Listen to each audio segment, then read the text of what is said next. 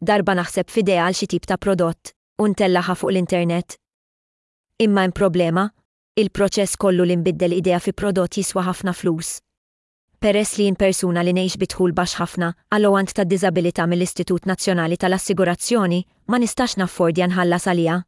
U barra minn hekk, meta wieħed iqis is-severità tas-sitwazzjoni tiegħi, anke skontijiet għoljin ħafna sempliċement mhux se jgħinu.